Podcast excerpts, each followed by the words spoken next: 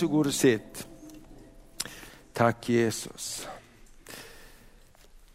Underbart att prisa Jesus namnet, det namnet som är över alla andra namn och det namnet som fungerar i alla världsdelar, överallt för alla människor. Amen, och det är så underbart när vi prisar Jesus, då händer det någonting i atmosfären. Och jag vill bara uppmuntra dig att prisa Jesus och låta lovsång höras i, i ditt hem också. Ibland glömmer man bort det, men det är bra att skruva på bandspelaren och låta lovsång komma ut, för det bandspelaren det låter jag höra att jag är gammal. Va? Rullar alltså. CD-spelaren kanske man ska säga, eller något liknande apparat som förmedlar underbar lovsångsmusik, för det, det, det, det skapar atmosfär. Amen. Underbart, vi ska tala om Israel idag. Som du hörde så har vi nyss kommit hem ifrån Israel och Israel berör alltid och eh, tänkte på det i veckan här vad jag ska tala om och då kom det till mig och därför var det så underbart också när vi läste dagens text från Jesaja, hur den också talade om att Gud ska församla sitt folk tillbaks igen. Och det är lite det jag tänkte att vi ska tala om, miraklet Israel. Det land som eh, eh, inte var ett land, eh, men blev ett land igen. Det var Eh, ett land som Gud gav Abraham för många, många tusen år sedan. 4000 år sedan ungefär så, så gav Gud landet till Abraham på grund av att Abraham lydde och gick till det land som jag ska visa dig. Där ska jag göra dig till ett stort folk och genom dig ska alla folk på jorden bli välsignade och jag ska visa dig det land som jag ska ge dig. Och han gick iväg och han gick ifrån sitt land i, i Uri Kaldén som ligger vid Iran, Irak i det området. Och han drog iväg eh, bort över mot Medelhavet och kom eh, till Israel. Och Gud talade till honom att du ska få eh, eh, en avkomma och dina barn och dina söner ska befolka det här landet. Men det ska också komma en tid när, när dina barn ska bli tillfångatagna och de ska leva som slavar i, i, i ett främmande land i 400 år. Och därefter så ska jag föra dem tillbaks och jag ska ge dem det land som jag har lovat dig. Och genom din sed ska alla folk på jorden bli välsignade. Och det är därför Israel är så speciellt också, därför att det har med Guds frälsningsplan att göra. Frälsningsplanen för sitt folk Israel, judarna, men också för alla folk på jorden. Och, och, och, och, alla nationer berörs på något sätt av Israel. Vi ska läsa lite om det idag också, hur eh, nationerna ska gå emot Israel i den yttersta tiden och hur Gud ska döma nationerna utifrån också hur man eh, behandlar Israel. Och idag så vet vi att eh, eh när, genom historien hur Israel också efter det att de hade kommit till det förlovade landet som flyter av mjölk och honung. Det låter väldigt klibbigt men det, det är välsignat, ett välsignat land.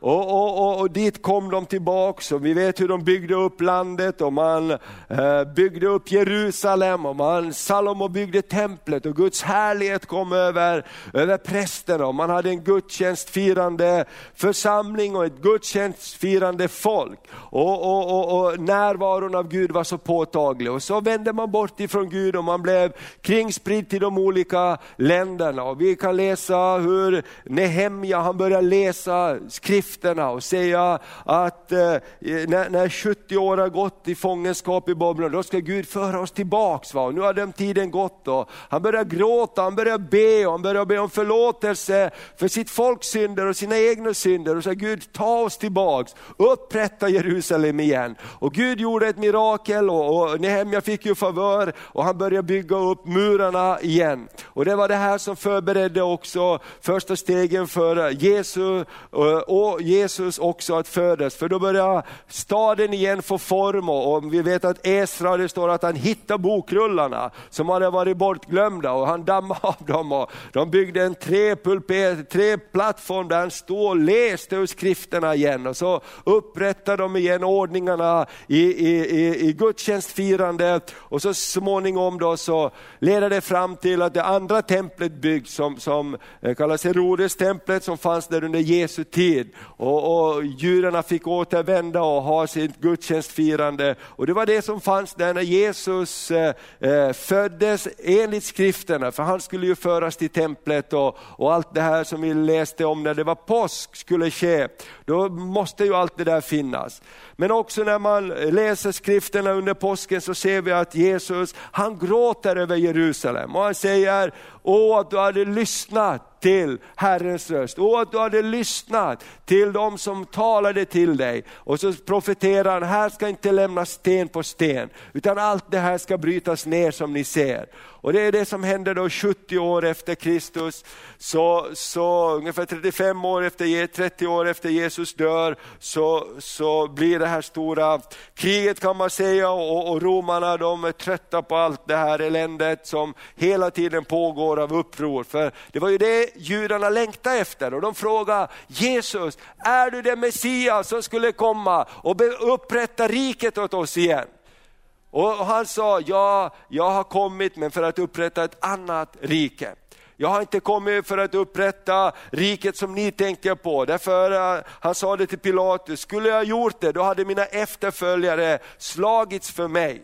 Och han sa, sätt bort svärdet Petrus, för vi, vi jobbar inte på det här sättet. Han kom för att proklamera ett annat rike. Men alla judar de väntar ju på att riket skulle upprättas igen, så som de förstod det. Och, och, och, och nu hade det ju brutits ner och vi besökte Masada-klippan ute i öknen vid Döda havet, dit en, en, en handfull judar flydde efter Jerusalems förstöring. Ungefär tusen stycken tog sig upp på den här klippan mitt inne i öknen som är så fantastiskt. Där hade Herodes börjat bygga som ett säkerhetsfort för sig ifall oroligheterna skulle bli för stora.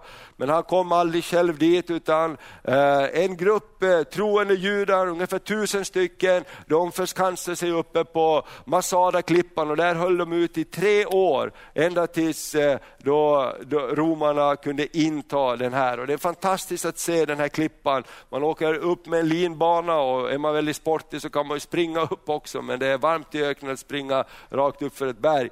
Men eh, där uppe kan man se hur de hade stora vattenförråd och de kunde leva där och, och hade mat och synagogor och allting fanns där. Och, och, och, då så står det att när romarna kom upp där och de skulle gå in, då sista natten så då tog de självmord alla, för de ville inte bli slavar under romarna, de ville inte falla i romarnas händer. Och bara fem stycken överlevde där, två kvinnor, tror jag, tre barn som hade gömt sig i en grotta.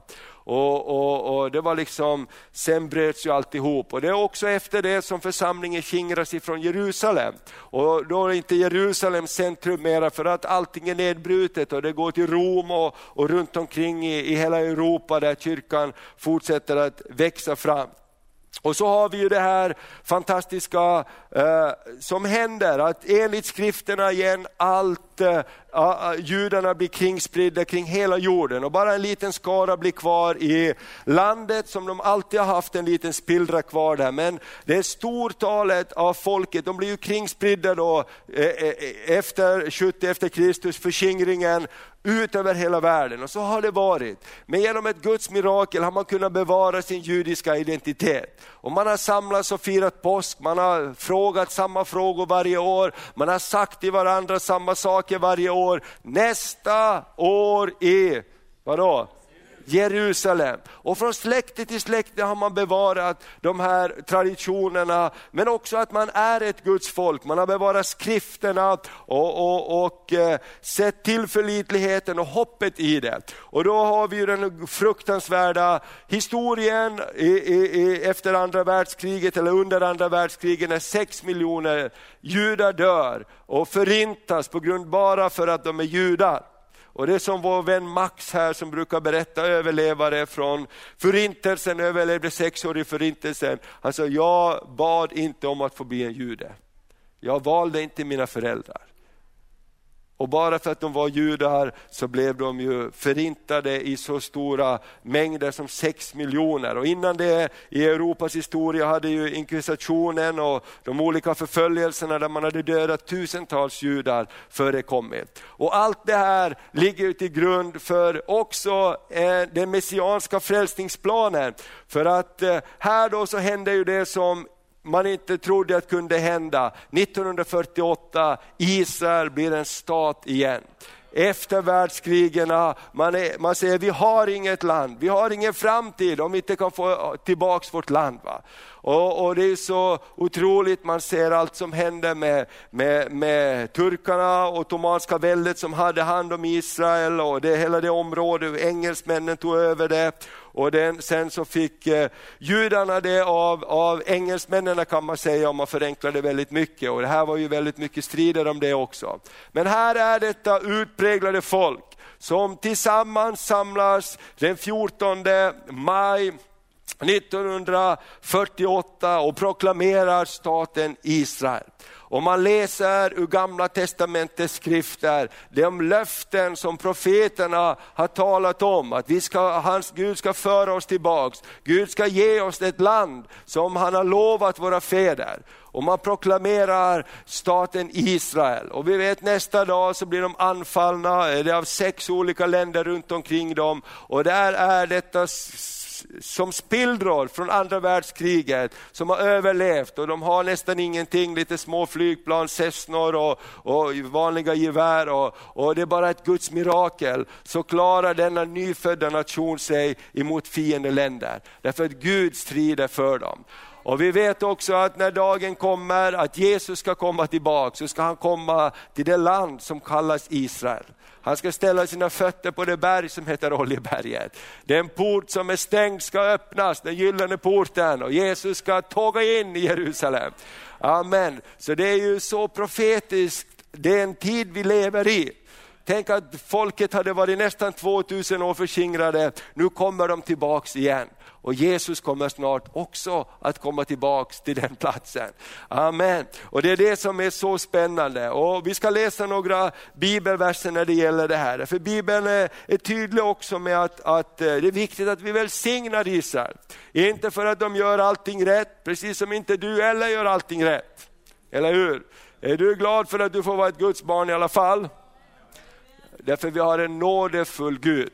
Han handlar inte efter oss, med oss efter våra missgärningar och synder. Han handlar efter, mot oss enligt sin nåd. För han vet att vi är bräckliga och vi behöver förlåtelse. Så är det också med Israels land och folk. Och det är också så att Bibeln talar om det att tills hedningarna har kommit in så kommer det att vara en slöja över deras ögon så de inte är fullt mått kan se Messias Kristus. Men den dagen kommer också när de kommer att se att den som de har genomborrat, det var deras Messias.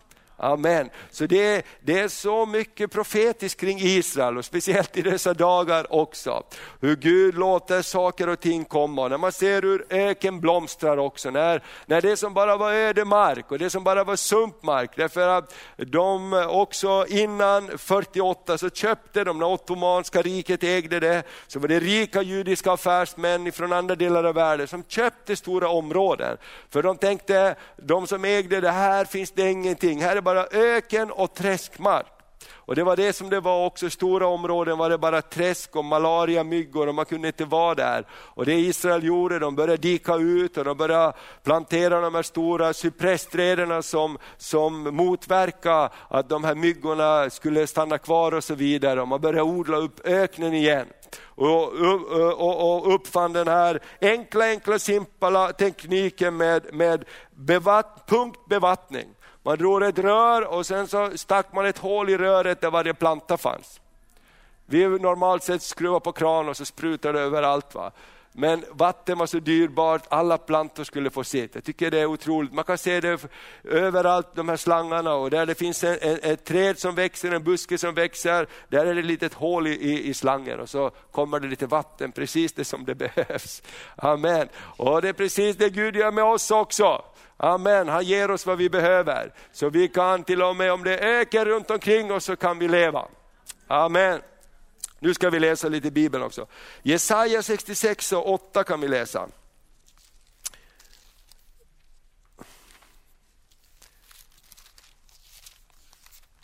Jesaja 66 och vers 8.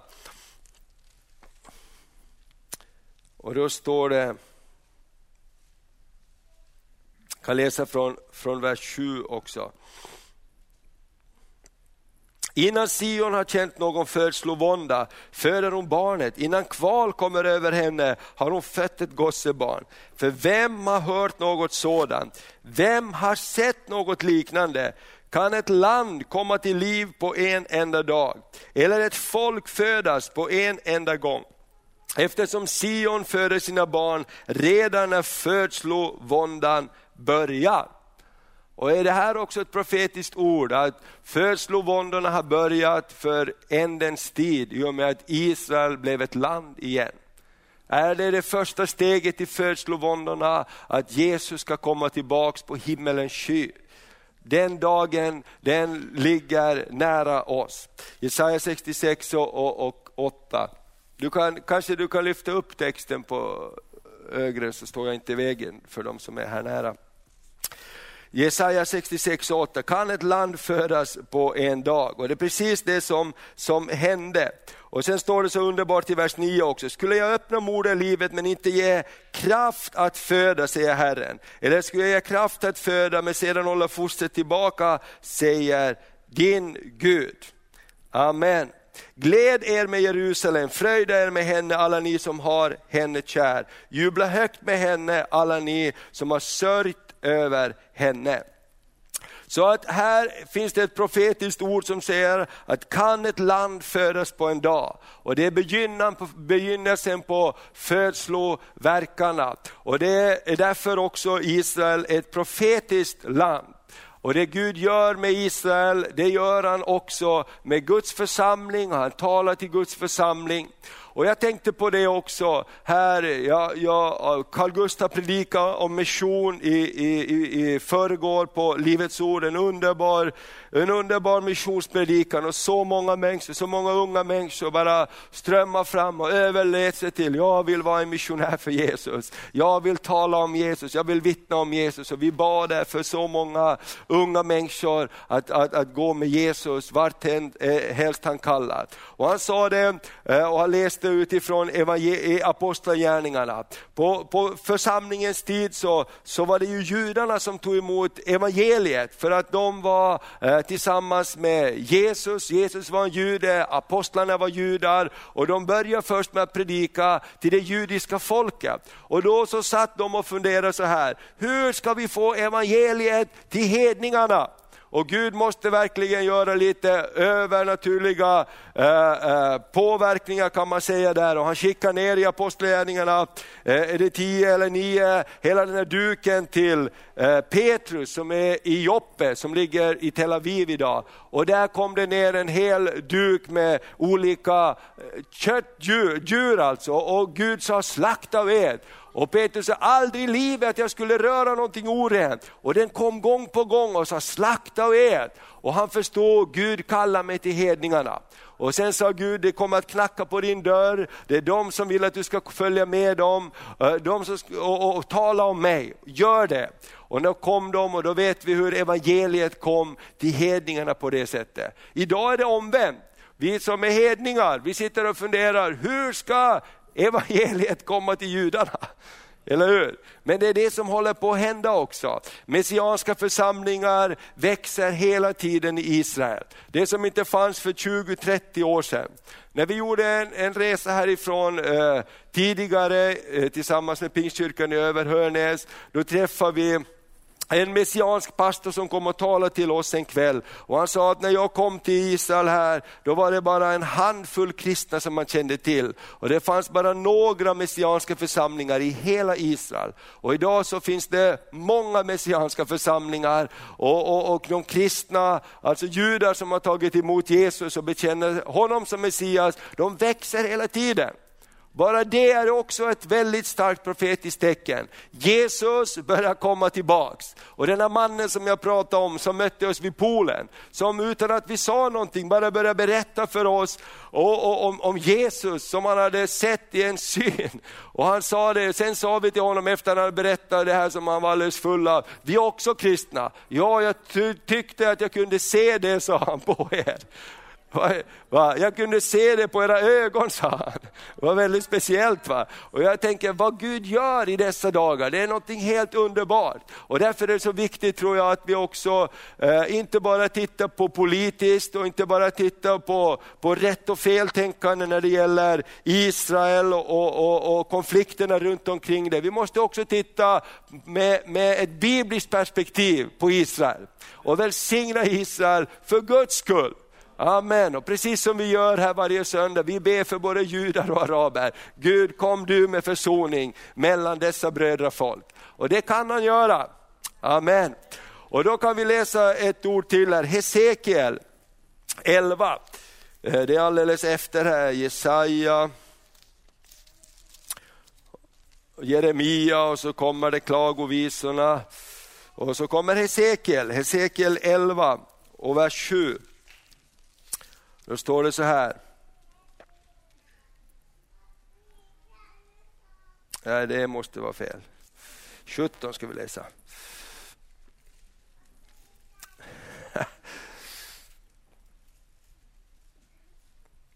Vers 17, 11 och 17. Då står det så här. Hesekiel 11 och 17. Därför ska du säga, så säger Herren, Herren, jag ska samla er från folken och föra er tillbaks från de länder dit ni har blivit kringspridda och jag ska ge er Israels land. Amen.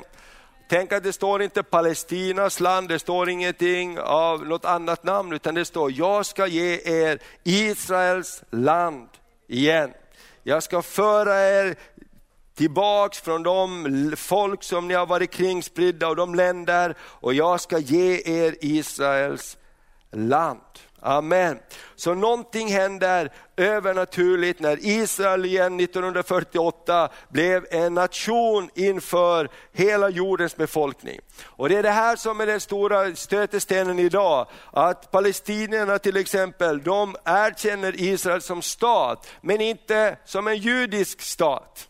Och det sa precis bara förra veckan Abbas, han sa, Palestinas president, vi kommer aldrig att erkänna Israel som en judisk stat.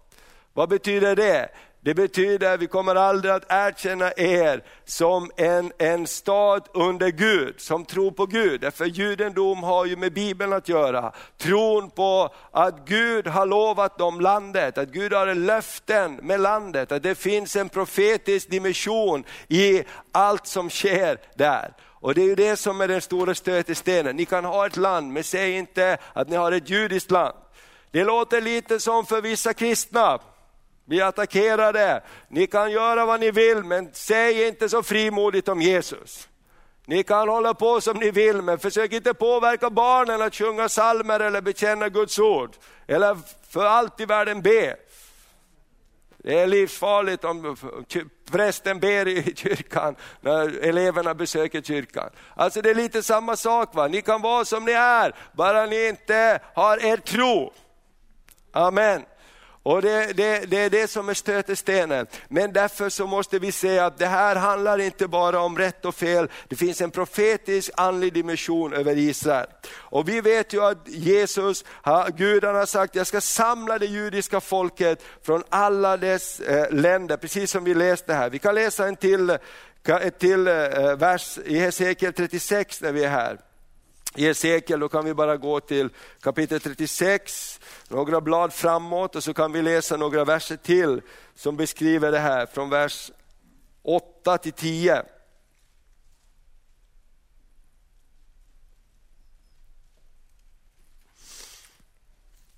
Och eh, här är också ett profetiskt eh, uttryck som Hesekiel profeterar om Israel. Men ni Israels berg skall åter grönska och bära frukt åt mitt folk Israel och det ska snart komma tillbaka. Ty jag ska komma till er och jag ska vända mig till er och ni ska brukas och besås. Jag ska föra samman på er många människor, hela Israels hus. I städerna skall det på nytt bo människor och ruinerna skall byggas upp. Amen. Jag ska föra samman på er mängder av människor och boskap och det ska bli fruktsamma och föröka sig. Jag ska låta er bli bebodda alldeles som ni förr var. Jag ska göra er ännu mera gott än tidigare och ni skall inse att jag är Herren. Amen. Halleluja. Jag ska låta, eh, folk, eh, låta människor vandra fram över er, nämligen mitt folk Israel. Det ska ha er besittning och ni ska vara deras arvedel och ni ska inte mer döda deras barn. Så det finns någonting här som Gud hela tiden har i sitt hjärta. Jag ska föra er tillbaka, jag ska upprätta er, jag ska välsigna er i det landet som jag har gett er. Och Vi kan också läsa i eh, vers 24 här i samma kapitel. Vi hoppar lite. Och då står det så här, eh, vi läser några verser här, vad han, vad han talar ut över folket. Ja, eh, i vers 24 i samma kapitel. Jag ska hämta er från folken och samla er från alla länder och föra er till ert land. Jag ska stänka rent vatten på er så att ni blir rena. Jag ska rena er från all orenhet och från alla era avgudar. Och jag ska ge er ett nytt hjärta och låta en ny ande komma in i er. Jag ska ta bort stenhjärtat ur er kropp och ge er ett hjärta av kött. Och jag ska låta min ande komma in i er och göra så att ni vandrar efter mina stadgar och håller mina lagar och följer dem. Så ska ni få bo i det land som jag gav åt era fäder och ni ska vara mitt folk och jag ska vara er Gud. Amen. Prisat vare Herrens namn. Och därför vet vi att vem är det som kan rena? Bara Jesu blod kan rena. Eller hur? Vad är det som kan stänka rent vatten på? Det är Jesus, han säger den som inte är född av ande och vatten, han kan inte bli född på nytt. Amen, det är det vattnet som kommer, det levande vattnet som måste rena också det judiska folket. Och det kommer att ske och det sker mer och mer och mer och mer. Och Det är därför det är viktigt att vi ber också, inte bara för att de här tekniska lösningarna ska ordna sig, utan Gud kom över ditt folk.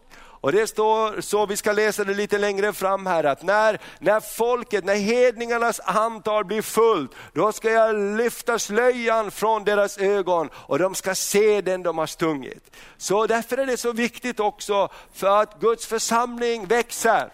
Amen. Därför är det så viktigt att vi predikar, att vi missionerar och att vi evangeliserar och att vi, är, vi, vi delar Jesus med andra.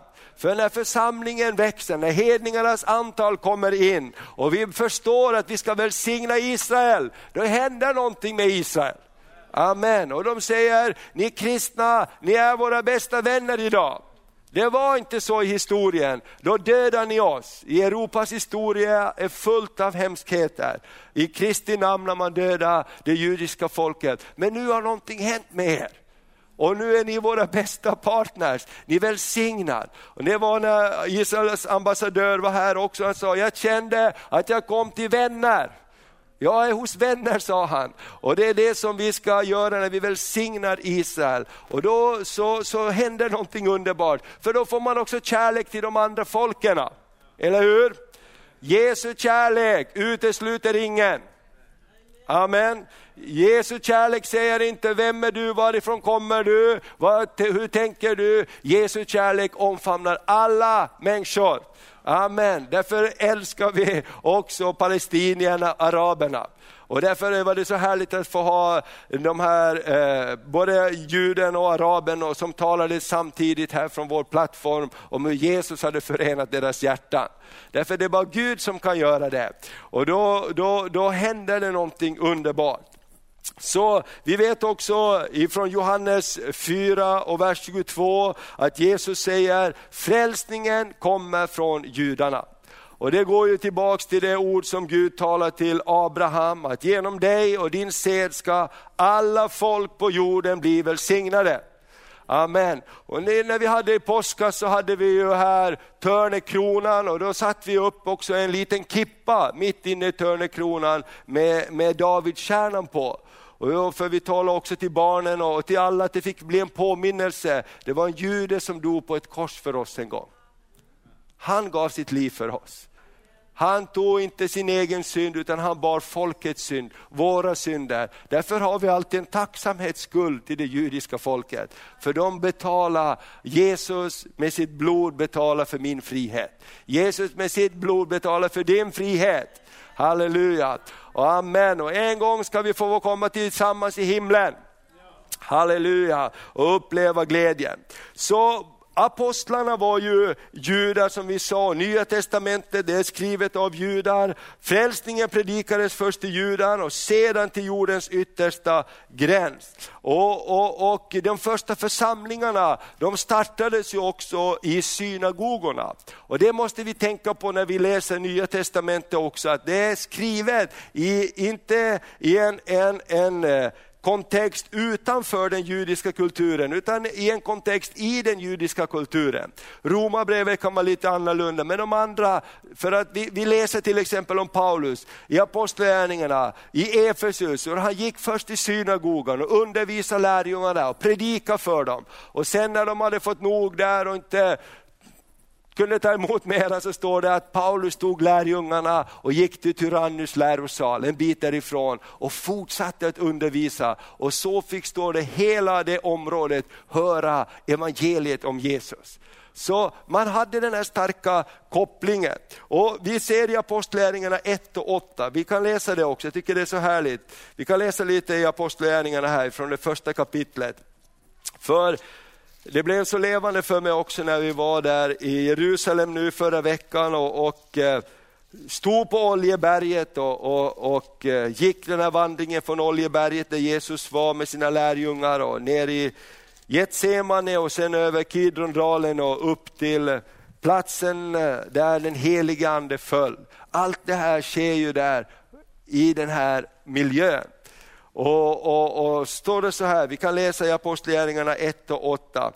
Jesus säger till lärjungarna så här, eh, Först säger han att ni ska stanna kvar i Jerusalem tills ni blir beklädda med kraft. Så står det så här eh, i vers 8, men när den helige ande har, när den helige ande kommer över er ska ni få kraft att bli mina vittnen i Jerusalem först, i hela Judeen och Samarien och ända till jordens yttersta gräns. Det går ut därifrån och det är dit det kommer att komma tillbaks. Titta vad det står här. Då han hade sagt detta såg de hur han lyftes upp och ett moln tog honom ur deras åsyn.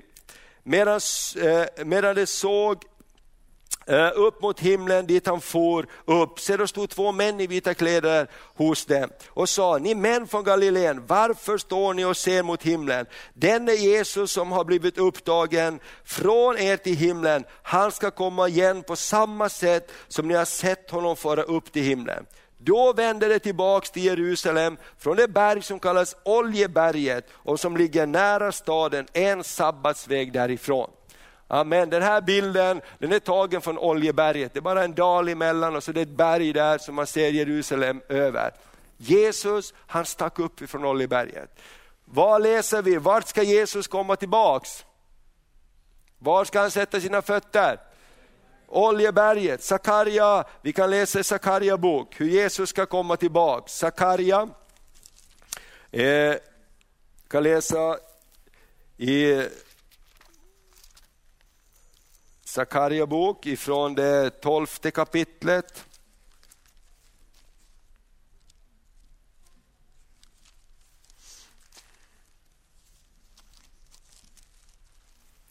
Profeten Sakarja.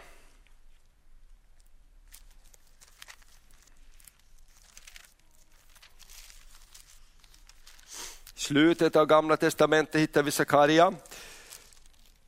Och eh, då kan vi läsa Eh, ifrån kapitel 14 läser vi från vers 1 till 4, Sakarja 14 och vers 1 till 4.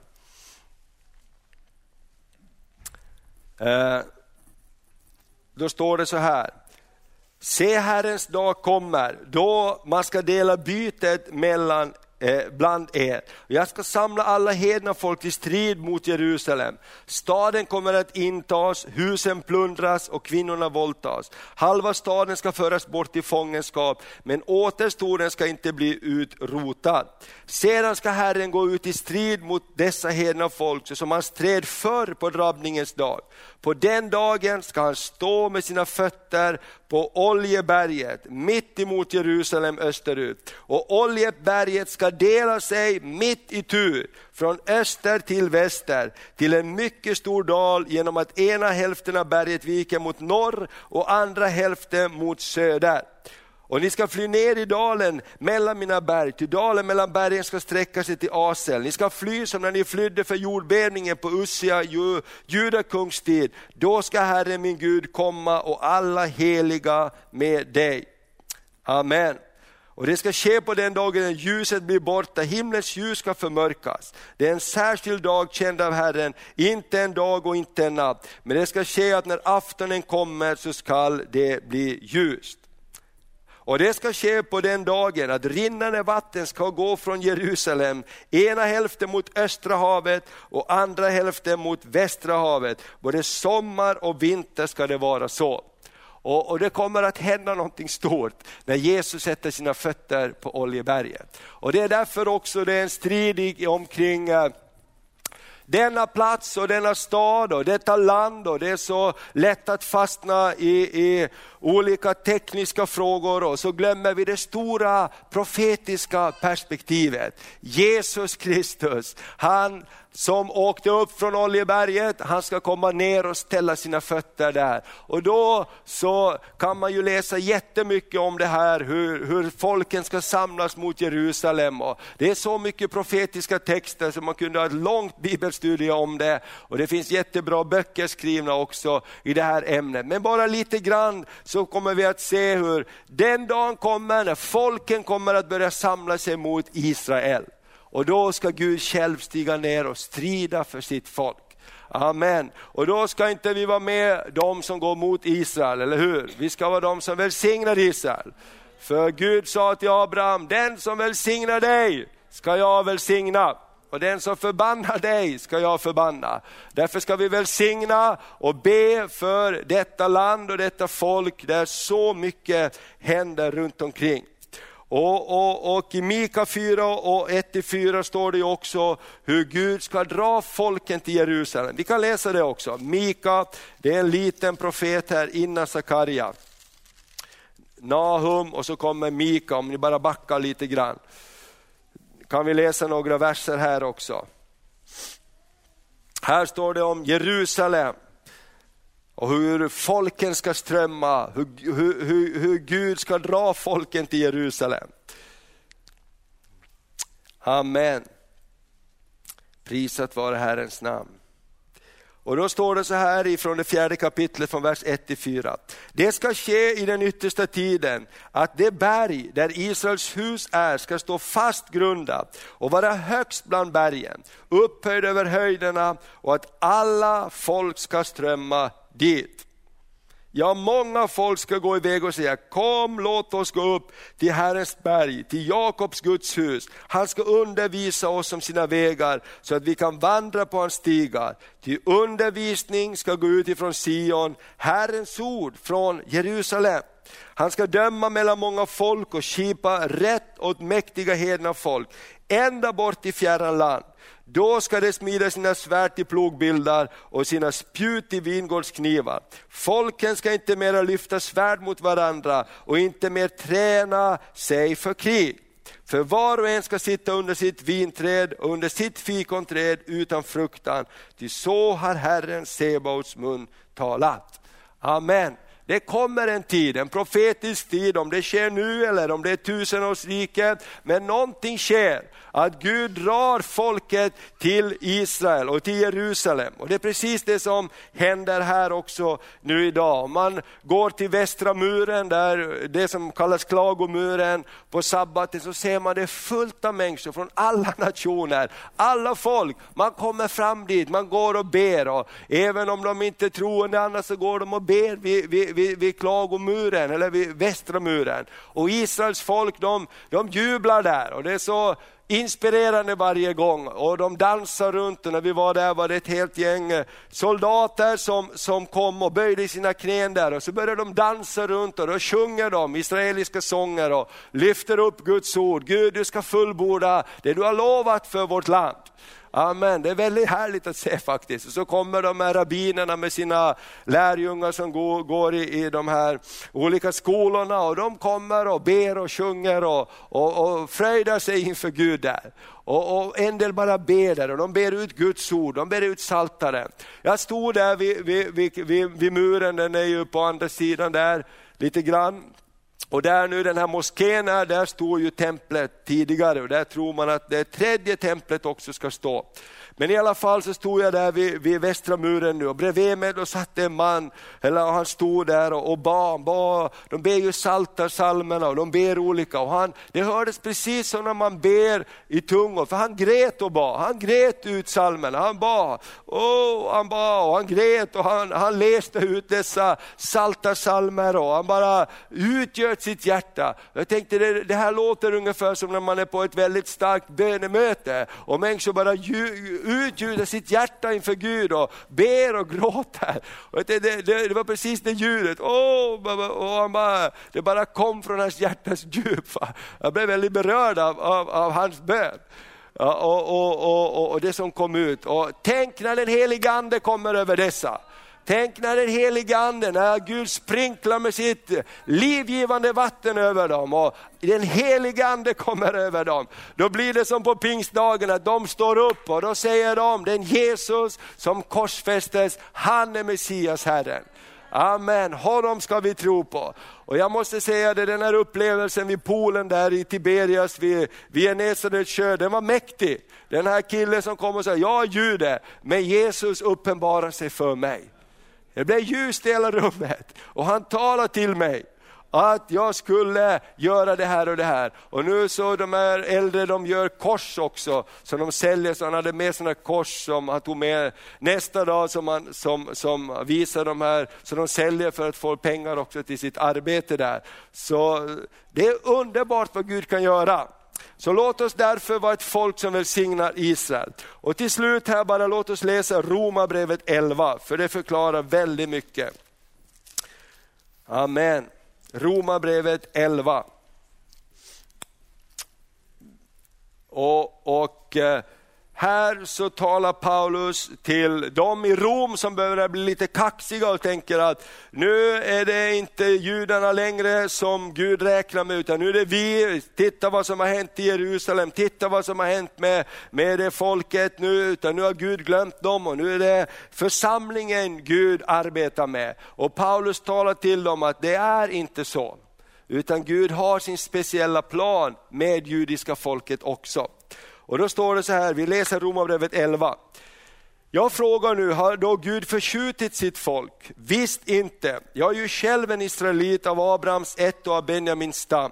Gud har inte förskjutit sitt folk, som han tidigare hade känt som sitt. Eller vet ni inte vad skriften säger när den talar om Elia, hur han vänder sig till Gud och anklagar Israel. Herre dina profeter har de dödat, dina altare har de rivit ner, jag är ensam kvar och mig vill de döda. Men vad svarade Gud honom? Jag har lämnat kvar åt mig 7000 män som inte har böjt knä för bal. På samma sätt finns det också i denna tid en rest som Gud har utvalt av nåd. Men om det var av nåd så var det inte på grund av gärningar, annars vore nåden inte längre nåd.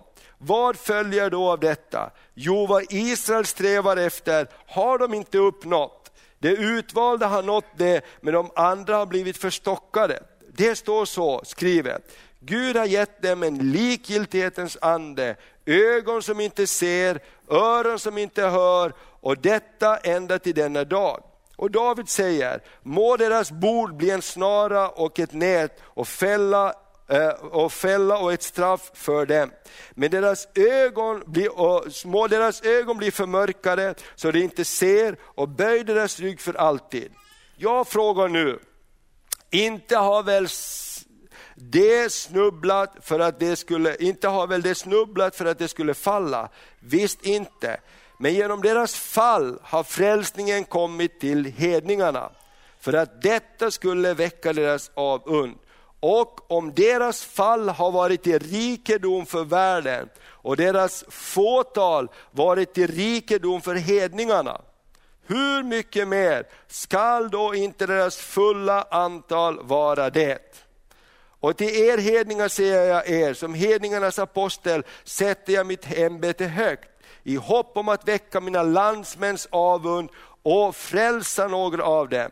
Ty om deras förkastelse betydde världens försoning, vad ska då inte deras uppdagande betyda om inte liv ifrån de döda? Amen. Om förstlingsbrödet är heligt är också degen helig. Och om roten är helig är grenarna heliga. Och det är det här som har hänt just nu, att den kyrka som tidigare har förföljt också judarna har sagt att de är våra rötter. Det är de historiska kyrkorna som förut har varit eh, antisemitiska. Två påvar sedan var den första som sa att judarna är våra rötter, de är våra äldre bröder. Han var den som gick in i synagogan och välsignade och bad om förlåtelse. Så någonting händer också i våra dagar som inte har hänt tidigare. Om några av grenarna hade brutits bort och du som är ett vilt olivträd, vi alltså som är inte judar, har blivit inympad bland dem och fått del av detta eh, äkta olivträdets feta rot, då skall du inte förhäva dig över grenarna. Men om du förhäver dig ska du veta att det är inte du som bär roten, utan roten som bär dig. Nu invänder du kanske att grenarna bröts bort för att du skulle få inympas. Du har rätt, för sin otros skull bröts de bort. Men, det, men du står kvar genom tro. Men var inte högmodig utan lev i fruktan. Ty om Gud skonade de naturliga, inte skonade de naturliga grenarna skulle han inte heller skona dig. Se här är Guds godhet och stränghet. Hans stränghet mot dem som föll och hans godhet mot dig, om du blir kvar i hans godhet. Annars blir också du borthuggen. Men även de andra kommer att bli inympade om de inte blir kvar i sin otro. Gud har ju makt att inympa dem igen. Eller hur? Ty om du har blivit borthuggen från det vilda olivträdet som av naturen du tillhörde och mot naturen har inympats i det äkta olivträdet, hur mycket lättare kommer då inte dessa naturliga grenar att inympas på sitt eget olivträd. Amen. Och Då ska vi läsa nästa vers här också, vi läser några verser till här. Bröder, jag vill att ni Eh, jag vill att ni ska känna till denna hemlighet. Nu säger Paulus att det är en hemlighet. För att ni inte ska ha för höga tankar om er själva.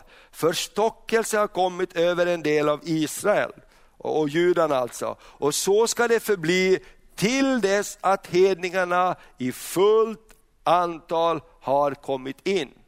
Alltså Gud har en frälsningsplan för det judiska folket som är unik också. Och det står så att hela Israel ska bli frälst, som det står skrivet, från Sion ska frälsningen komma och skaffa bort all ogudaktighet från Jakob.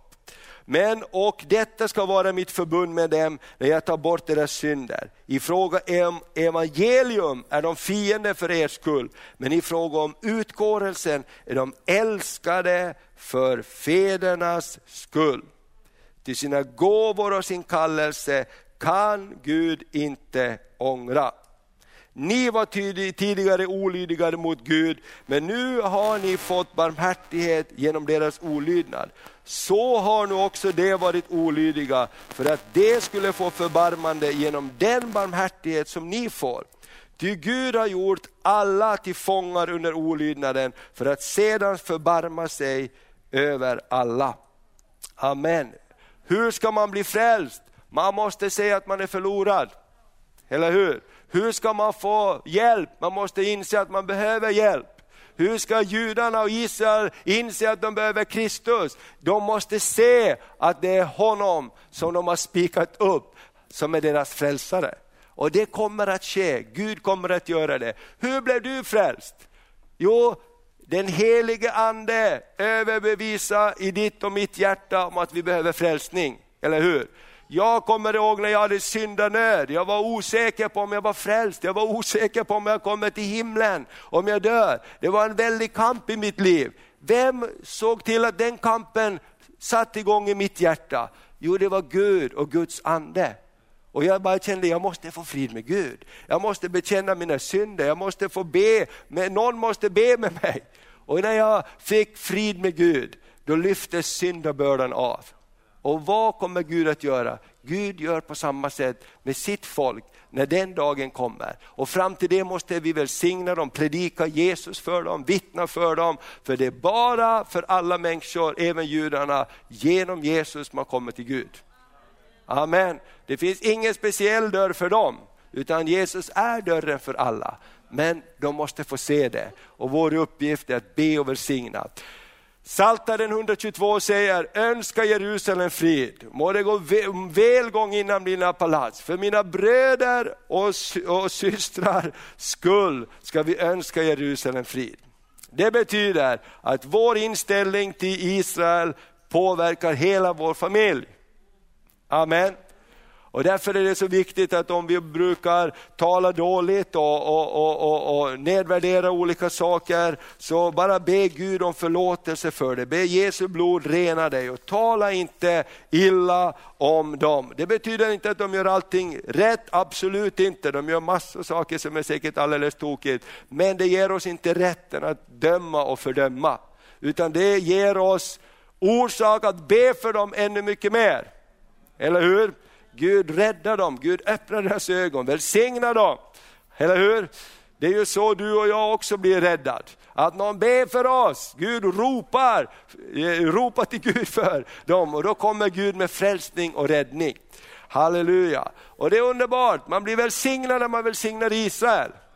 Halleluja! Så därför vill jag bara igen uppmuntra dig och hoppas också att du får en längtan att åka till Israel. Och börjar du planera i tid så är det inte alls så, så kostsamt heller om man planerar i tid och Gud gör mirakel när du vill åka till Israel. Han hjälper dig övernaturligt. Och jag tror att det är inte bara att tänka sig att åka till Israel, men jag kan åka till Teneriffa lika bra. Det kan man göra om man vill, men när du åker till Israel så finns det en till dimension. Dels så får du mycket underbart där, men man är också där och ber. Man åker runt, man ber för gränserna. Vi åker på en sån här gruppresa brukar vi åka upp till Syriens gräns och be för dem. Man kan titta ut över landet, man välsignar platserna och man ser, här gick Jesus, här vill jag gå. Här, var, här döptes Jesus, kan man gå på de här olika platserna. Här föll den helige ande. Här gjorde Jesus miraklet vid Betesda-dammen. Här finns den platsen. Det är underbart. Amen. Så låt oss välsigna Israel. Och låt oss avsluta med att ställa, ställa oss på våra fötter och, och be tillsammans. Och, och Gud säger så här i Bibeln att jag är Abraham, Isak och Jakobs Gud. Amen. Och han är din Gud. Halleluja, och han är i förbund med dig. Om du behöver någonting av honom så har han det du behöver. Amen. Han är rik på barmhärtighet. Han är rik på nåd och barmhärtighet. Halleluja, han är El Shaddai. Han, han, han, han presenterar sig, jag är Herren din läkare. Det var det första namn han presenterade sig med för sitt folk. Vem är du? Ja, Herren din läkare. Halleluja, den Gud vi tjänar, Israels Gud. Han slumrar inte, han sover inte, står det i Psaltaren 121. Han vakar över dig. Halleluja, därför är det så underbart att få vara ihopkopplad med Israels Gud. Halleluja, så låt oss be tillsammans. Herre, vi bara tackar dig för den här dagen. Vi bara tackar dig att vi får välsigna Israel. Och Herre, även om vi inte förstår allt med vårt intellekt och vi tycker att det är så jobbigt att de bråkar och håller på på olika områden. Men Herre, lägg ner kärlek till Israel i våra hjärtan. Så vi kan be Fader, för våra bröders skull, för våra syskons skull. Åh Fader, för vår, vår Guds hus skull så får vi be och välsigna ditt folk Fader. Och vi ber att dagen ska komma när hedningarnas antal har blivit fullt Herre. Och så att bara mer och mer kyrkan växer så kommer slöjan att tas bort och ifrån de judiska brödernas ögon och de kommer att se Messias. Helige Ande, det står att du ska sprinkla, vitt, du ska sprinkla vatten över dem, friskt vatten Herre. Åh, vi bara tackar dig och jag bara ber Fader, åh Fader, jag bara ber Herre, åh att Sverige ska vara ett land som välsignar Israel. Örnsköldsvik ska vara en plats som välsignar Israel. Guds folk ska vara ett folk som välsignar Israel för Guds skull. Åh, vi bara tackar dig för kärlek till alla bröder, kärlek till brödrafolken runt omkring, kärlek till judar och araber Herre. Åh, du lägger ner den kärleken genom den helige Ande. Och vi bara ber och välsignar Israel i Jesu Kristi namn. Tack Fader att du är Abraham, Isak och Jakobs Gud och du är den Gud som förser på varje område. Herre, jag bara tackar dig, jag bara tackar dig, jag bara tackar dig för läkedom Herre, uppmuntran. Kan vi ta och be för varandra en stund också? Åh, du kan lägga dina händer på den som är runt omkring dig, så bara välsignar vi varandra med Israels Gud, Israels Gud, halleluja, som går framför dig, som går bakom dig, som omsluter dig på alla dina sidor, som ger sina änglar befallning om dig. Halleluja, vi bara prisar dig Fader, i Jesu Kristi namn, i Jesu Kristi namn, i Jesu Kristi namn. Halleluja, vi bara välsignar varandra. Tack att du är El Shaddai, tack att du är överflödets Gud. Åh, tack att du är rättfärdiggöraren. Du är Herren Gud som helgar oss, du är Herren Gud som helar oss. Du är Herren Gud som går framför oss med ditt segerbaner. Du är förbundets Gud. Halleluja, vi bara, åh, vi bara anknyter oss till förbundet idag. I Jesu Kristi namn, i Jesu Kristi namn. Halleluja. Åh, vi bara tackar dig. Amen, amen, amen, amen, amen. Israels Gud är din Gud. Halleluja. Israels Gud är din Gud. Halleluja! Han som bevarar Israel bevarar dig. Han som gjorde en väg för Israels folk genom ödemarken, han gör en väg för dig. Halleluja! Han som kan kalla tillbaks det som var förlorat, kan också ge dig tillbaks det du har förlorat. Halleluja! Han som kan få öken att blomstra, kan få ditt liv att blomstra. I Jesu Kristi namn. Vi ber, amen, amen, amen. Halleluja, om det är någon här inne också, jag känner inte alla, om det är någon här som inte har tagit emot Jesus som sin frälsare, så bara lyft din hand om du vill ta emot Jesus och säga, jag vill följa Israels Gud. Om du vill ta emot Jesus i ditt hjärta och säga jag vill följa Israels Gud. Om du inte har gjort det tidigare så är det ett underbart tillfälle att få göra det den här söndag förmiddagen. Halleluja. Amen, amen, amen. Prisat vare Herrens namn. Halleluja, vi bara tackar dig, vi bara tackar dig i Jesu namn. Amen, prisat vare Herrens namn. Och allt folket sa det, Amen. Varsågod och sitt. Och låt oss välsigna Israel, för vi är ihopkopplade med Israel. Underbart!